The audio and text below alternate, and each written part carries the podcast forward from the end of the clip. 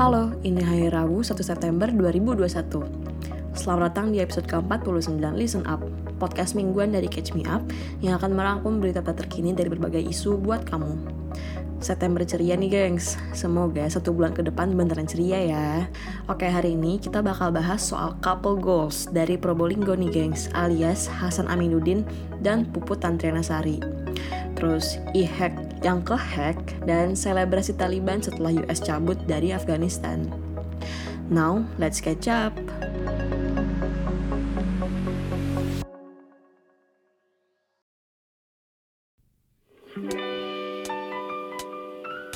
Kegiatan tangkap ini terkait dengan dugaan tindak pidana korupsi berupa penerimaan sesuatu oleh penyelenggara negara ataupun yang wakili terkait dengan seleksi jabatan di lingkungan pemerintah Kabupaten Probolinggo tahun 2021.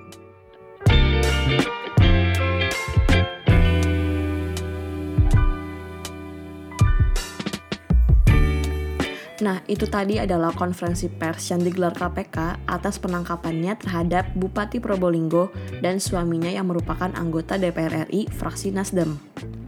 Hari Senin dini hari tadi, tanggal 30 Agustus 2021, KPK menjalankan operasi tangkap tangan atau OTT terhadap pasangan suami istri Hasan Aminuddin dan Puput Tantriana Sari di kediaman keduanya nih atas dugaan kasus korupsi jual beli jabatan. Hasan adalah anggota DPR RI fraksi Nasdem, sedangkan istrinya Puput merupakan Bupati Probolinggo, Jawa Timur. And now here's a little background for you. So, saat ini Hasan adalah anggota DPR RI periode 2014 dan 2019, kemudian 2019 dan 2024. Do ini mengawali karirnya sebagai anggota DPRD Kabupaten Probolinggo dari fraksi PPP dan di periode berikutnya terpilih lagi dari fraksi PKB. Abis itu, Doi menjabat deh sebagai Bupati Probolinggo dua periode juga nih gengs. Nah, abis masa jabatannya habis, Hasan kemudian maju ke DPR RI dari Partai Nasdem. Dan kini Doi menjabat sebagai Wakil Ketua Komisi 4 DPR RI yang membawahi isu pertanian, lingkungan hidup, dan kehutanan, serta kelautan. Terus, untuk posisi bupatinya di Probolinggo, Doi diganti sama siapa coba tebak? Iya, betul sama istrinya Puput Tantriana Sari. Couple goals banget gak sih? And now, on to the wife. Puput menjabat sebagai Bupati Probolinggo sejak tahun 2013 silam. Sebelumnya, Doi merupakan staf BPD Jawa Timur sejak tahun 2004 hingga 2008. Doi dan wakil bupatinya nih, Timbul Prihan Joko, menjabat selama dua periode juga, gengs. Dari 2013 ke 2018, dan 2018 sampai harusnya 2023 nih. Nah dari sinilah banyak orang yang berpendapat kalau pasangan ini nih Hasan dan Puput itu menciptakan dinasti politik di Probolinggo di mana nih anggota keluarga memegang bangku kekuasaan di satu daerah selama beberapa periode. Sekarang soal OTT-nya nih gengs, coba kita dengerin dulu nih keterangan dari pihak KPK-nya dulu. Pada kegiatan tangkap tangan kali ini, tim KPK telah mengamankan 10 orang Senin tanggal 30 Agustus tahun 2020 sekitar jam 4 pagi di beberapa tempat di wilayah Probolinggo, Jawa Timur. Yaitu sebagai berikut, PTS Bupati Probolinggo periode 2013-2018 dan periode 2019-2024. HA ini anggota DPR RI periode 2014-2019 dan periode 2019-2024 serta pernah menjabat sebagai Bupati Probolinggo dua periode yaitu periode 2003-2008 dan periode 2008-2013. Yang ketiga adalah DK ini ASN Camat Krecengan. Kemudian SO ini juga ASN pejabat Kades Karangren. Kemudian PR ini juga ASN, Camat Kraksaan, IS, ASN, Camat Banyu Anyar, MR, ASN, Camat Python, HT, ASN, Camat Gading, PJK, ini ajudan, dan FR ini juga ajudan. Jadi, Puput dan Hasan ini ditangkap OTT dengan dugaan tindak pidana korupsi terkait jual beli jabatan pemerintahan di Kabupaten Probolinggo. Menurut keterangan nih dari sumber cnnindonesia.com, setiap kepala desa diduga dimintain uang sebesar 20 juta rupiah kalau mau menjabat jadi kades, gengs. Dari operasi ini, KPK menyita uang senilai lebih dari 300 juta rupiah Selain Puput dan Hasan, ada lima orang camat dan tiga orang ASN lainnya yang ikutan ditangkap karena dugaan kasus jual beli jabatan ini. Selanjutnya nih, disebutin juga nih kalau sebenarnya sang bupati itu cuma boneka, gengs. Dan justru suaminya inilah yang aktif bergerak di belakangnya. Abis OTT, 10 orang yang berhasil diamankan KPK itu kemudian dibawa ke Polda Jatim sekitar pukul 05.00 WIB atau jam 5 pagi gitu gengs. Dan akhirnya dibawa ke Jakarta untuk diperiksa di Gedung Merah Putih KPK di Kuningan. Hari Senin siang udah pada nyampe di Jakarta semuanya dan mereka memilih buat bungkam. Akhirnya KPK menetapkan 22 tersangka nih atas kasus jual beli jabatan pemerintahan ini, termasuk yang 10 orang ditangkap kemarin. Puput dan Hasan udah resmi jadi tahanan KPK dan lagi nunggu proses persidangannya.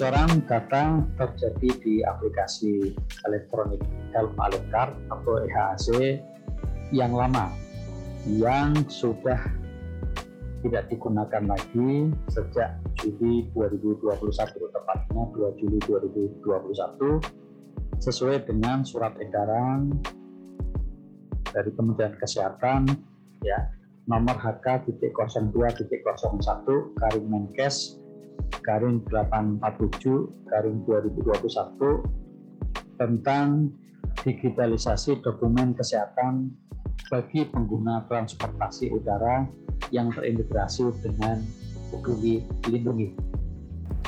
Itu tadi dari Kepala Pusat Data dan Informasi Kemenkes, Pak Anas Mahruf, soal kebocoran e-hack. Yoi guys, Electronic Health Alert Card atau e-hack yang merupakan aplikasi tes dan pelacakan COVID-19 buatan pemerintah Indonesia diduga bocor. Yang ngelaporin dugaan ini adalah peneliti dari Virtual Private Network atau VPN Mentor hari Selasa tanggal 31 Agustus kemarin. Therefore, keamanan data 1,3 juta penggunanya jadi compromised. Juru bicara Badan Siber dan Sandi Nasional atau BSSN, Anton Setiawan, udah konfirmasi soal ini gengs, di mana ada celah dalam aplikasi ini yang dapat dieksploitasi oleh pihak luar untuk mencuri data pengguna. Kalau kamu butuh refresher nih, apa itu e-hack? Simak nih gengs.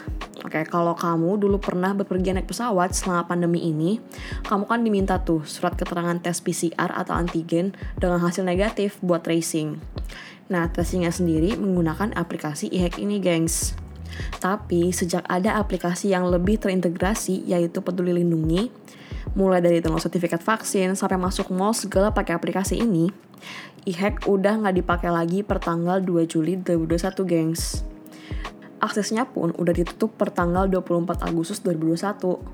Nah, data 1,3 juta pengguna yang sebelumnya udah make e-hack ini terancam keamanannya, gengs. Sejak tanggal 2 Juli 2021, kita sudah mulai menggunakan aplikasi Peduli Lindungi, di mana EHC ini sudah terintegrasi dan berada di dalam aplikasi Peduli Lindungi.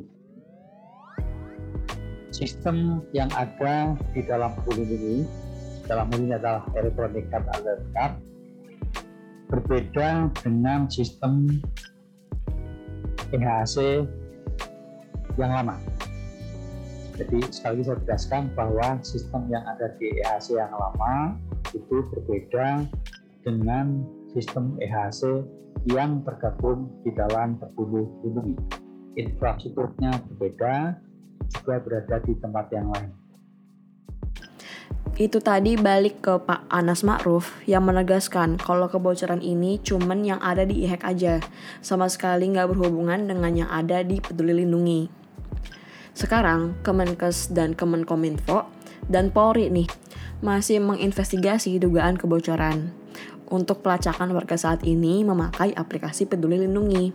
Dugaan sementara soal kebocoran data ini sih karena pembuat aplikasi menggunakan database Elasticsearch yang tingkat keamanannya simpel aja gitu gengs, nggak rumit kayak hubungan kamu sama doi. Jadinya lebih mudah dan rawan diretas deh. Terus, data-data yang bocor nggak cuma sekedar data yang ada di KTP pengguna e-hack, gengs. Tapi juga nih, sampai ke data hasil tes COVID-19, paspor, data rumah sakit atau klinik yang udah testing ke para pengguna, dan termasuk data yang dipakai buat bikin akun e-hack. Kalau kata Kepala Biro Komunikasi dan Pelayanan Masyarakat Kementerian Kesehatan RI Widiawati, kebocoran data harus dibuktikan dengan metode digital forensik. Bukan cuma dugaan aja. Sampai sekarang sih belum ada nih laporan digital forensik terkait kebocoran ini, which means data yang bocor ini belum dipapain, gengs. Terus, Kemenkes juga langsung menghimbau kepada masyarakat yang udah pernah pakai e-hack buat langsung hapus data yang ada di akun mereka dan segera uninstall aplikasinya.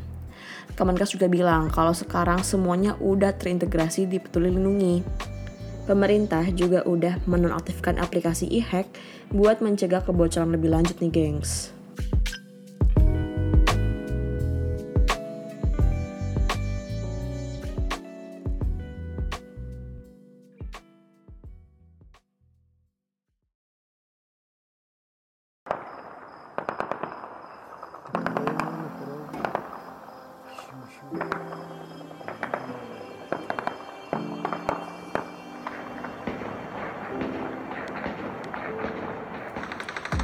Itu tadi adalah selebrasi Taliban di Kabul atas kepergian US dari Afghanistan semalam abis evakuasi warga. Kalau tadi kamu dengerin selebrasinya banyak suara tembak-tembakan, nggak salah gengs. Taliban merayakan kepergian US setelah 20 tahun lamanya stay di Afghanistan dengan menembakkan pistolnya ke udara. Jadi kayak semacam petasan dan kembang api gitu guys. Sesuai janji, semua evakuasi bakal berakhir di tanggal 31 Agustus 2021 alias kemarin, barengan nih sama penarikan tentara US dari Afghanistan. Personel tentara US terakhir masuk ke pesawat buat cabut dari Afghanistan pas banget semenit sebelum tanggal 1 September 2021. Per tanggal 30 Agustus 2021 alias sehari sebelumnya nih, tercatat ada lebih dari 123.000 orang yang berhasil dievakuasi sama tentara US. Semua diplomat Amerika Serikat bahkan cabut dari Afghanistan, which means kedutaan besar US di Kabul kemungkinan bakal berhenti beroperasi sementara. Tapi, Menteri Sekretaris Negara US, Anthony Blinken bilang, bukan berarti US selesai nih sama Afghanistan. Masih banyak orang yang belum sempat dievakuasi sama US karena deadline yang mepet ini. Selain itu, Blinken juga bilang kalau sekarang misi militer AS di Afghanistan udah kelar dan dimulailah misi diplomatis. A new chapter of America's engagement with Afghanistan has begun. It's one in which we will lead with our diplomacy. The military mission is over. A new diplomatic mission has begun. Oleh karenanya, US bakal kerjasama dengan sekutunya buat buka lagi bandara Kabul yang sempat jadi zona berbahaya abis serangan bom bunuh diri ISIS-K. Hal ini dalam rangka mengevakuasi orang-orang yang belum sempat tadi, gengs. Katanya sih, Joe Biden bakal ngasih official statement tentang hal ini di siang ini. Kita tunggu ya, doi bakal ngomong apa aja.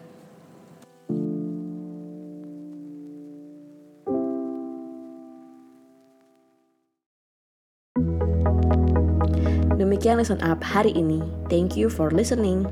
See you on Friday and have a nice week.